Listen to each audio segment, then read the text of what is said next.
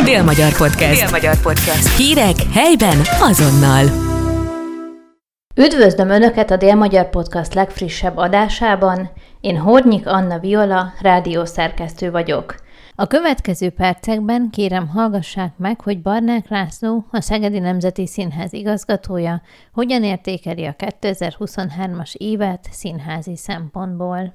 Hogyan értékelnéd az elmúlt színházi évet? Ilyenkor, a, amikor megkapom ezt a kérdést, akkor két dolog jut eszembe. Az egyik az, ami a, a hideg tényekre szorítkozik, és a, ez jelenti a, a nézőszámot, a, a jegybevételt, a, azt, hogy, hogy hogyan alakult számszakilag a, az elmúlt évünk és azt kell, hogy mondjam, hogy hogyha ezeket az eredményeket nézem meg, akkor nem csak, hogy nyugodt vagyok, vagy elégedett, hanem nagyon örülök annak, hogy azt mutatja minden számunk, hogy a nézők a pandémiás helyzet és időszak után, és az energetikai válság után, közben is nagyon gyakran vesznek színházjegyet, nagyon sokan járnak a színházba, 80 ezer nézőnk volt az elmúlt színházi évben. Ugye itt az év és az évad az elkülönül, hiszen egy színházi évad egy őszi és egy tavaszi időszakból is áll, viszont hogyha az elmúlt évet nézem, akkor ez az elmúlt évadunknak a vége és az idei évadunknak az első fele. Ezt csak azért mondom, mert talán a, a színházba járók közül sem tudja mindenki az, hogy, hogy nekünk egy ilyen felemás gondolkodásunk van. Igazából ahhoz lehet hasonlítani, amikor egy tanév elindul és, és befejeződik. Szóval visszatérve arra, hogy a 2013 hogyan is alakult, hát egyrészt ugye két hónapig zárva volt a színház, a nagy színház, másfél hónapig a kis színház, azzal együtt a, a Rögpalota is, illetve a gyártóbázisunk kint Dorozsmán, és párhuzamosan próbáltunk egy külső helyszínen a, a PIK ZRT egyik épületében, egy akkora tulajdonképpen táncteremben, ami jobban lefette a, a színpadi körülményeket, mint itt, ami a házon belül megtalálható, úgyhogy egy öröm az örömben. Miközben zajlott ugye a színházigazgatói pályázati időszak is, tehát azért sok felé kellett megfelelni. Egyrészt rendezőként a Hegedűs a háztetőn kapcsán, főigazgatóként a, a zárás és, a, és az egész működés átstruktúrálása kapcsán, és, és hát az igazgatói pályázatban pedig mint jelentkező és azóta az ugye ki is derült, hogy, hogy a további öt évre is bizalmat szavazott nekem a városi önkormányzat is, illetve a társulat is, ami egyfelől egy megerősítése volt annak, hogy az elmúlt időszak eredményei azt mutatták, hogy jó irányba halad a Szegedi Nemzeti Színház, ami azt is jelenti, hogy a városon kívül, vagy a, vagy a délaföldi régión kívül is az ország különböző területein, hogyha érkezett hozzánk vendégművész, vagy, vagy nekem volt alkalmam máshova menni és beszélgetni kollégákkal, akkor azért kiderült, hogy, hogy figyelik azt, hogy mi újság van Szegeden, tudják azt, hogy kik rendeznek itt, milyen előadások születnek,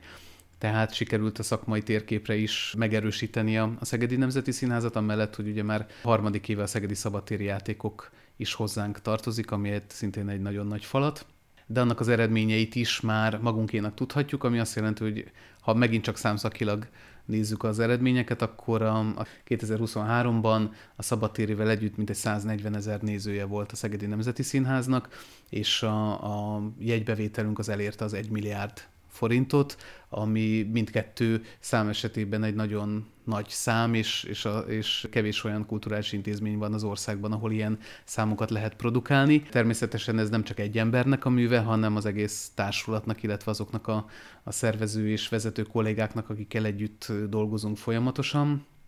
illetve az, hogy a társulat is meg tudott erősödni, hogy tovább erősítettük a, a, a nézőinkben a, a színészeink, énekeseink, vagy a társulat iránt érzett figyelmet és szeretetet, az mutatja, hogy, hogy nagyon sok teltházas előadásunk van, nagyon sokszor előre elfogynak a jegyek bizonyos előadásokra, illetve hogy állótapsal vagy ovációval fejezik ki a, tetszésüket a nézőink, és az, hogy ebben a gazdasági helyzetben, amikor mindennek az ára fölment, hogy nagy volt az infláció, és ezek mellett és ellenére is rengeteg jegy fogy el, illetve fogyott el már most a szabadtéri következő színházi nyári évadára is, az azt mutatja, hogy a kultúrára igenis szüksége van az embereknek, hogy költenek a színházra, a kulturális élményre, mert szükség van arra a szellemi és lelki tartalomra, ami túlmutat azon, hogy kikapcsolódjanak, hogy szórakozzanak, tehát szükségük van arra a nézőinknek, hogy, hogy bekapcsolódjanak ezekbe a, a problémakörökbe, amiket mi az előadásainkon keresztül kínálunk,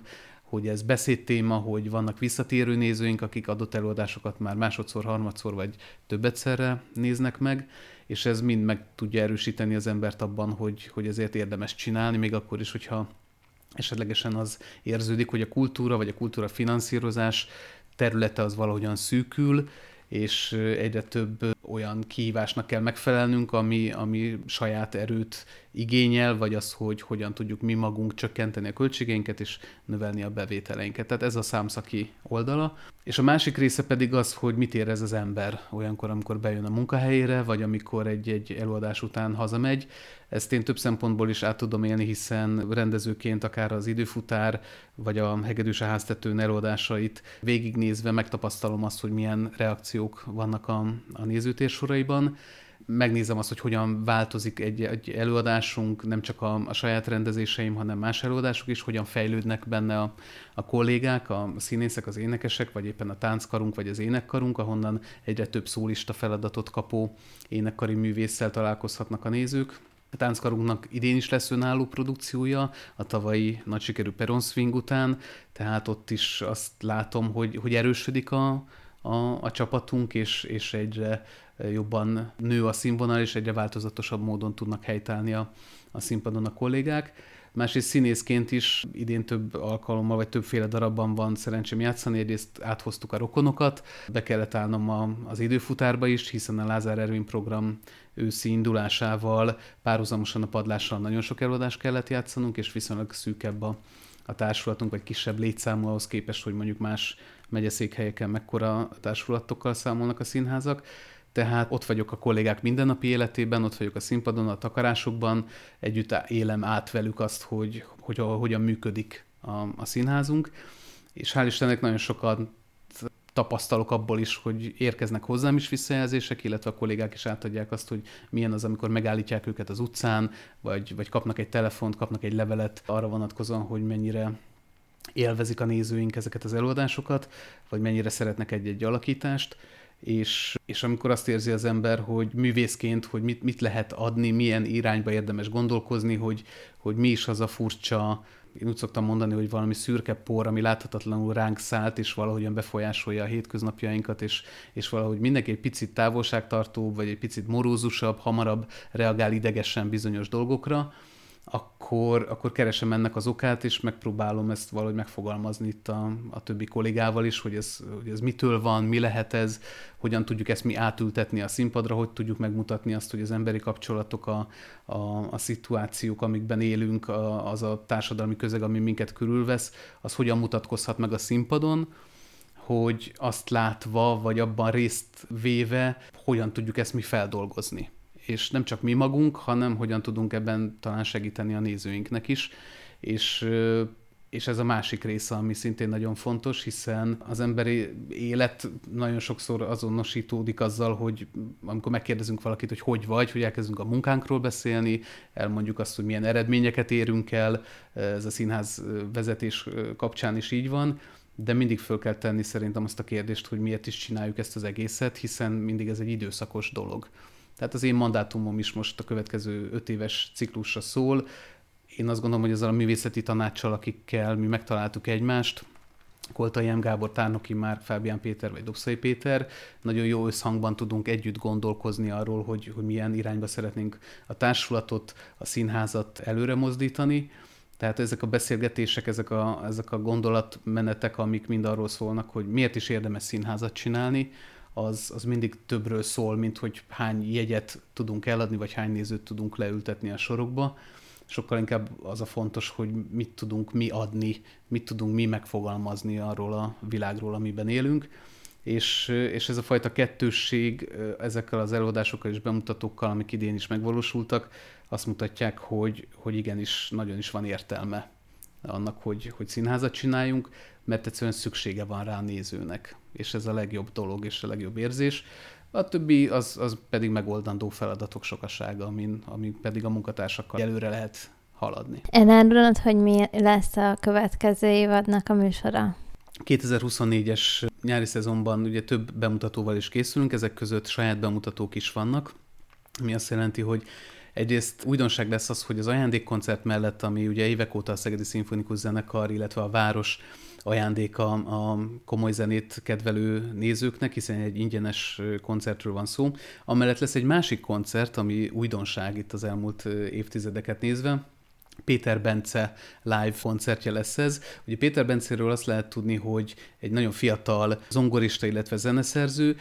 viszont olyan turné tapasztalat és, és ismertség áll már mögötte, ami kiemeli a hazai előadók sorából, hiszen Ausztráliában, az Egyesült Államokban, Európában, a világ rengeteg számos nagy koncert helyszínén fellépett már, nagyon nagy sikerrel, és most először mutatkozik be a Szegedi Szabadtéri játékokon, karöltve a Szegedi Szimfonikus Zenekarral, úgyhogy ez a kettős koncert én azt gondolom, hogy nagyon nagy élményt adhat a, a nézőknek, akár úgy, hogy egy héten belül találkozhatnak a szimfonikus zenekarral, mint egy opera irodalmat feldolgozó komoly klasszikus zenei programot bemutató zenekarral, illetve Péter Bencével együtt, akinél azért számos könnyű zenei vagy akár filmzenei téma is fölmerül. Ezt követi a tavalyi évadunk nagy sikere az 1001 éjszaka, amiből hat teltházas előadást tudtunk lejátszani, és amiből már most a, a mostani öt előadása is már 70% fölött vannak a nézettségi mutatók, úgyhogy talán nem fog letolni engem a, a marketing vezetőnk, hogyha itt most elárulom azt, hogy készülünk egy hatodik előadásnak a, a bejelentésével, amit hamarosan meg, meg is fogunk tenni. Úgyhogy nagyon bízom abban, hogy azokra is gyorsan elfogynak majd a jegyek, és egyébként az is egy nagy öröm, hogy a, hogy a különböző zene megosztó felületeken, és talán nem olyan nagy baj, ha azt mondom, hogy a Spotify-on is fönt van már az 1001 éjszakának a zenei anyaga, azokkal a színészekkel, akik egyébként ott játszották kint a, a Domtéren ezt az előadást. Ezután érkezik egy új saját bemutatónk, a Rebeka, aminek az az érdekessége, hogy eddig egy alkalommal mutattak be Magyarországon a Budapesti Operett Színházban még jó pár évvel ezelőtt, akkor egy ikonikus előadás lett belőle, néhány évig futott műsoron, de már évek óta nem látható. Igazából mi, lesz a, mi leszünk a második helyszíne a magyarországi bemutatók sorában a, a darab színpadra állításának, azzal a különbséggel, hogy ha jól tudom, ez egy szabatéri ős bemutató, tehát hogy az ország, vagy a, nem csak hogy az országban, a világon sem mutatták be még szabatéri színpadon a Rebekát, tehát ezért is egy nagyon nagy várakozás előzi már meg ezt a produkciót, ahol olyan sztárokat találkozhatnak a nézők, mint Dolhai Attila, Gubi Petra, Jan Zakata, vagy éppen Galusz Nikolett, hogy azokat említsem, akikről már lerántottuk a leplet, de hamarosan érkezik a többi szereplő is. Úgyhogy a Rebeka az egy nagyon-nagyon izgalmas előadásunk lesz. Ezt az előadást is Béres Attila rendezi, akinek már nagy tapasztalata van itt a szabadtéri előadások rendezésében a Domtéren, és visszatér jövőre, 40 év után az István a király, Persze voltak az első domtéri bemutató óta itt már különböző rendezések, amelyek vagy megosztották a nézőket, vagy, vagy nagyon nagy sikerrel vitték tovább az előadás hírét, de az egy nagyon izgalmas dolog, hogy tényleg jövőre lesz 40 éve annak, hogy az István a királyt először mutatták be színpadon. Ráadásul a domtéri színpadon mutatták be először a királydomb után, úgyhogy ennek az évfordulóján, akár augusztus 20-án a tűzijáték után is élvezhetik az István a király nagy sikerű dalait Novák Péter rendezésében. Ugye a Paplászló sportarénában volt ebből szintén augusztus 20-a környékén néhány előadás, én azt láttam is, és fergeteges hangulatot tudtak ott létrehozni, úgyhogy bízom benne, hogy ez vár a, a Szegedi Szabatérire látogató nézőkre is. És már meghirdettük az új Szegedi Szabadtéri koncert programjait, ahol Konzsuzsa, Halász Judit mellett a, a fiatalabb generációból a Margaret Island, Tóth Vera és a Budapest Jazz Orchestra is képviselteti magát, de a különböző műfajok is megjelennek, mint például a 120 perc az operett világa körül című operett gálaműsor, vagy éppen egy olyan Dixieland est, amelyen a, a Szegedi Molnár Dixieland Band mellett a High Jazz Band, vagy akár a Benko Dixieland Band is ott lesz két vendéggel, Falusi Mariannal és Gájer Bálintal, de az is nagyon nagy öröm, hogy Cseh Tamás emlékkoncertet is tarthatunk, ami éppen Cseh Tamás halálának az évfordulóján valósul majd meg az új szegedi fák között. Idén már nyolc koncertet hirdettünk meg, ugye ebben az évben volt hét, és a korábbi évben öt koncerttel indultunk el, úgyhogy ez is azt mutatja, hogy nagyon nagy az érdeklődés a koncertekre is, tehát a nyári időszakban a kicsik és a nagyok egyaránt találhatnak olyan műfajú előadás, például a Csok királyt is, ami ugye a rock and roll műfaját idézi meg nagyszerű hazai előadókkal. Amiben akár a színpad előtt táncolhatnak is, hiszen volt már erre példa a korábbi években, akár a Budapest Bár, a Kispál és a Borz, vagy éppen a, a Bobán Márkovics Orkeszter koncertjén is. Egy interjúban említetted, hogy lesz egy külföldi meglepetés vendég is. Erről lerántod a leplet? Egyelőre nem, ez hadd legyen még meglepetés, mert zajlanak az egyeztetések. Ugye azt kell mondjam, hogy nagyon sokféle olyan előadó van, akit Magyarországon ismernek, szeretnek. Nagyon sok a koncerthelyszín is, és a nyári időszak az mindig egy nagyon sűrű fesztivál időszak, úgyhogy ebből a szempontból és picit nehezebb megtalálni azt, a, azt az előadót, akit mi szeretnénk meginvitálni, és aki rá is ér, és, és beilleszthető ebbe a sűrű programba, úgyhogy most egy picit tovább tartanak az egyeztetések, de igyekszünk minél hamarabb bejelenteni azt az előadót is majd. Viszont vele együtt érkeznek majd azok a színházi előadások is, amelyek szintén nem hiányozhatnak majd az új Szegedi Szabadtéri színpadról akikről szintén majd csak később fogjuk lerántani a leplet, hiszen ott, a, ott még nehezebb egyel a, az egyeztetés, hiszen ugye nagyon sok olyan visszatérő partnerünk van, a Veresegy Színház, a Játékszín, vagy akár az Orlai Produkció, vagy egyéb más színházak, ahol részint alkalmi társulatokból, vagy alkalmi csapatokból áll össze egy-egy előadásnak a szereplőkárdája, és ott az egyeztetések azért fél évre előre még nem tudnak létrejönni, vagy csak viszonylag nehezen, de azért már vannak olyan partnereink, akikkel már megállapodtunk bizonyos időpontokban, de ezt mindig a tavaszi időszakra szoktuk hagyni, hiszen akkorra már azért kialakul az, hogy egy-egy színháznak vagy egy-egy művésznek hogyan alakul a, a nyári menetrendje. Visszatérve kicsit a Szegedi Nemzeti Színházhoz, a Hegedűs a háztetőn hamarosan ünnepli a 25. színpadra lépését. Hogyan értékeled ezt a darabot? Tulajdonképpen a rendezői munkásságomnak, ha lehet erről beszélni, az egyik legfontosabb állomása vagy eddigi csúcspontja a Hegedűs a háztetőn, mégpedig azért is, mert ez az egyik legnagyobb volumenű produkció, amit eddig színpadra állítottam. Rendeztem én már a, a nagy színházban gyerekelőadást is, felnőtt előadást is, ugye a 12 dühös ember az egyetemi kulturális irodával karöltve volt az egyik leghangosabb sikere az ezek, ezek közül az előadások közül, de volt már előadásom a Kiszínházban is, Pince Színházban is, a Korzó Zeneházban is, nagyon sokféle műfajban. Itt az volt a kihívás valóban, hogy egyrészt zárva volt a színház, tehát máshol kellett összerakni a, a művet. A főszereplőben Borovics Tamásban is volt egy nagy kérdőjel, amikor én első alkalommal elmondtam neki, hogy én szeretném ezt a darabot vele megcsinálni, hiszen akkor rögtön fölmerült a kérdés, hogy na hát igen, de hát Gregor József és Király Levente után, hát azért ez egy nehéz feladat lesz, és elmondtam, hogy azért nem kell erre gondolni, mert egy más típusú tevjében gondolkodunk. Egy olyan aktív, életerős férfiban, aki ahogyan bárki, aki látta az előadást, meg is tapasztalhat, hogy Borovics Tamás az elejétől a végig az összes koreográfiában ott van, végig táncolja ezeket, nem csak kiáll, úgymond pocakosan is, nagy hangon elénekli ezeket a számokat, hanem nagyon aktív alakítója is az előadásnak, miközben nagyon közvetlen kapcsolatot tud teremteni a nézővel, ami nekem nagyon fontos volt, hiszen az egész előadás dramaturgiája is erre épül, hiszen ő az Istennel is beszélget közben, de kicsit azért a nézőkre is kikacsint, és az egész előadás szerkezetét is ezt határozta meg. Sokszor mozognak a, a szereplőink a nézőtérről fel a színpadra, illetve onnan le, és az egy külön kihívás volt, hogy hogyan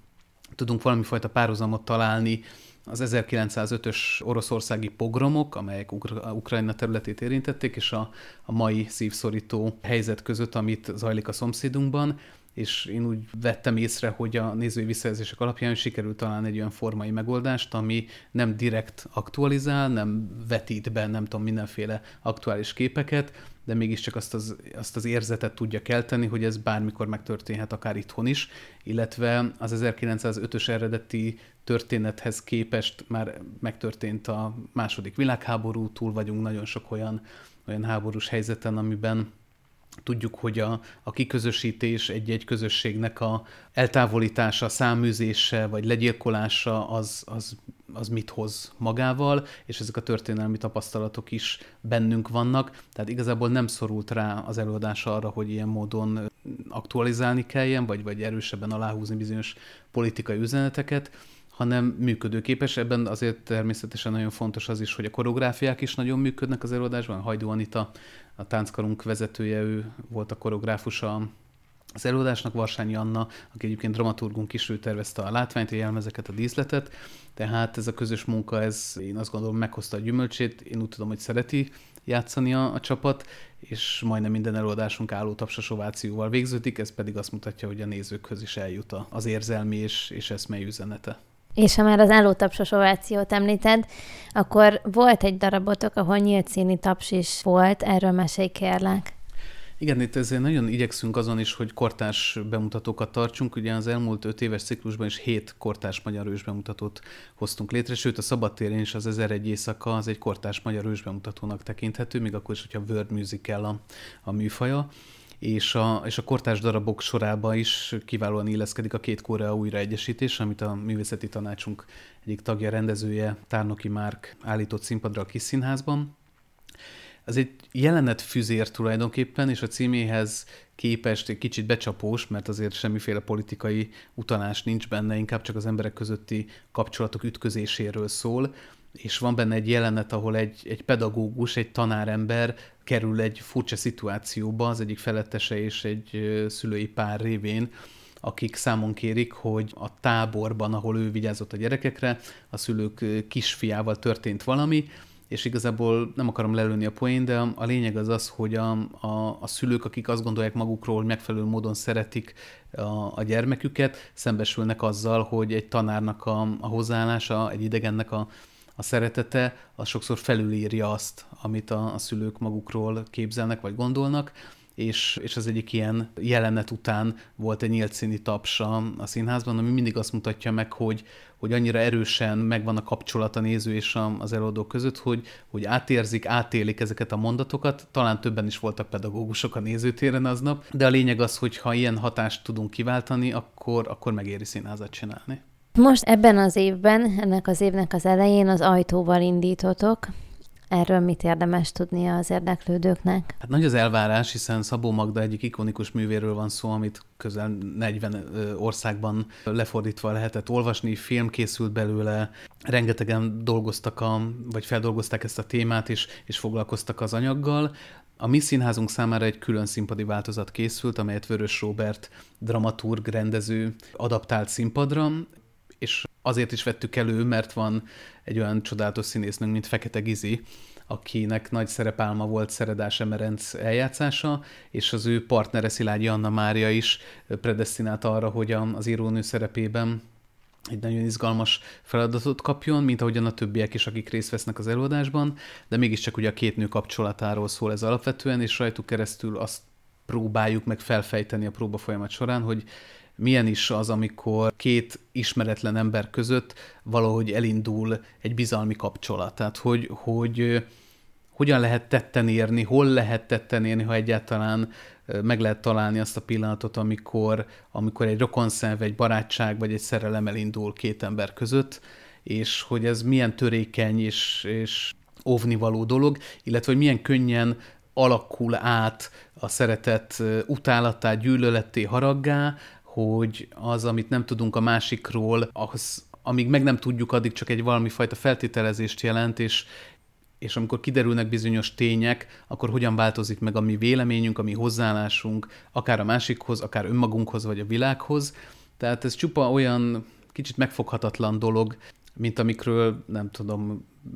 egy-két üveg bor elfogyasztása után az ember próbál valami ködös módon megfogalmazni valamit az életről, vagy az élet értelméről, ezek bele vannak kódolva ezekbe a sorokba, és, és talán akkor vagyunk ügyesek, hogyha, hogyha ezt az epikus művet, mert egy regény az nagyon sok mindent elbír, az ember fantáziája hozzáteszi magában azt, amit, amit szeretne. Egy színházi előadásban nagyon meg kell találni azt, hogy ugye ez a párbeszédekre épül elsősorban, hogy hogyan tudjuk végigkövetni azt a dramaturgiai szállat, amit az ajtóban leírt Szabó Magda, de mégis úgy, hogy, hogy ez színházi értelemben is érvényes tudjon maradni. Hát ez egy izgalmas küzdelem, mert nehezen adja magát a, az anyag ebből a szempontból, de éppen a mai próbán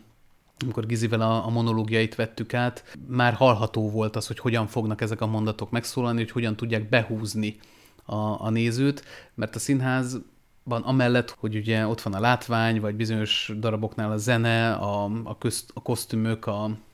koreográfiák. Itt az ajtónál én nem szerettem volna konkrét díszletet, itt csak jelzések vannak, bútorok vannak, és a legfontosabb az, hogy a színészre tudjunk koncentrálni, illetve az ő történetükre. És a történetmesélés, és az, hogy valaki elmesél egy, egy vele megtörtént eseményt, és abból mi leszűrünk valamit, a, ott helyben, a helyszínen, azt semmi más nem tudja átadni, csak a színház. Tehát lehetnek a streaming felületek egyre népszerűbbek, lehet rengetegféle platformon kikapcsolódni, meg szórakozni, de az, amit a színház tud nyújtani, és azon keresztül például az Ajtó című előadás is reményeink szerint, az, az egy alapvető emberi tulajdonságra épül, arra, hogy valaki figyel, a másik meg mesél. És ez, ez jót tesz nekünk, mert, mert szeretjük hallgatni a történeteket, mert szeretünk megismerni meséket, mert, mert ezeken keresztül fel tudjuk dolgozni a saját, sajátjainkat is. És említetted azt a bizonyos sport, ami mostanában az embereknek a szívén, lelkén leledzik.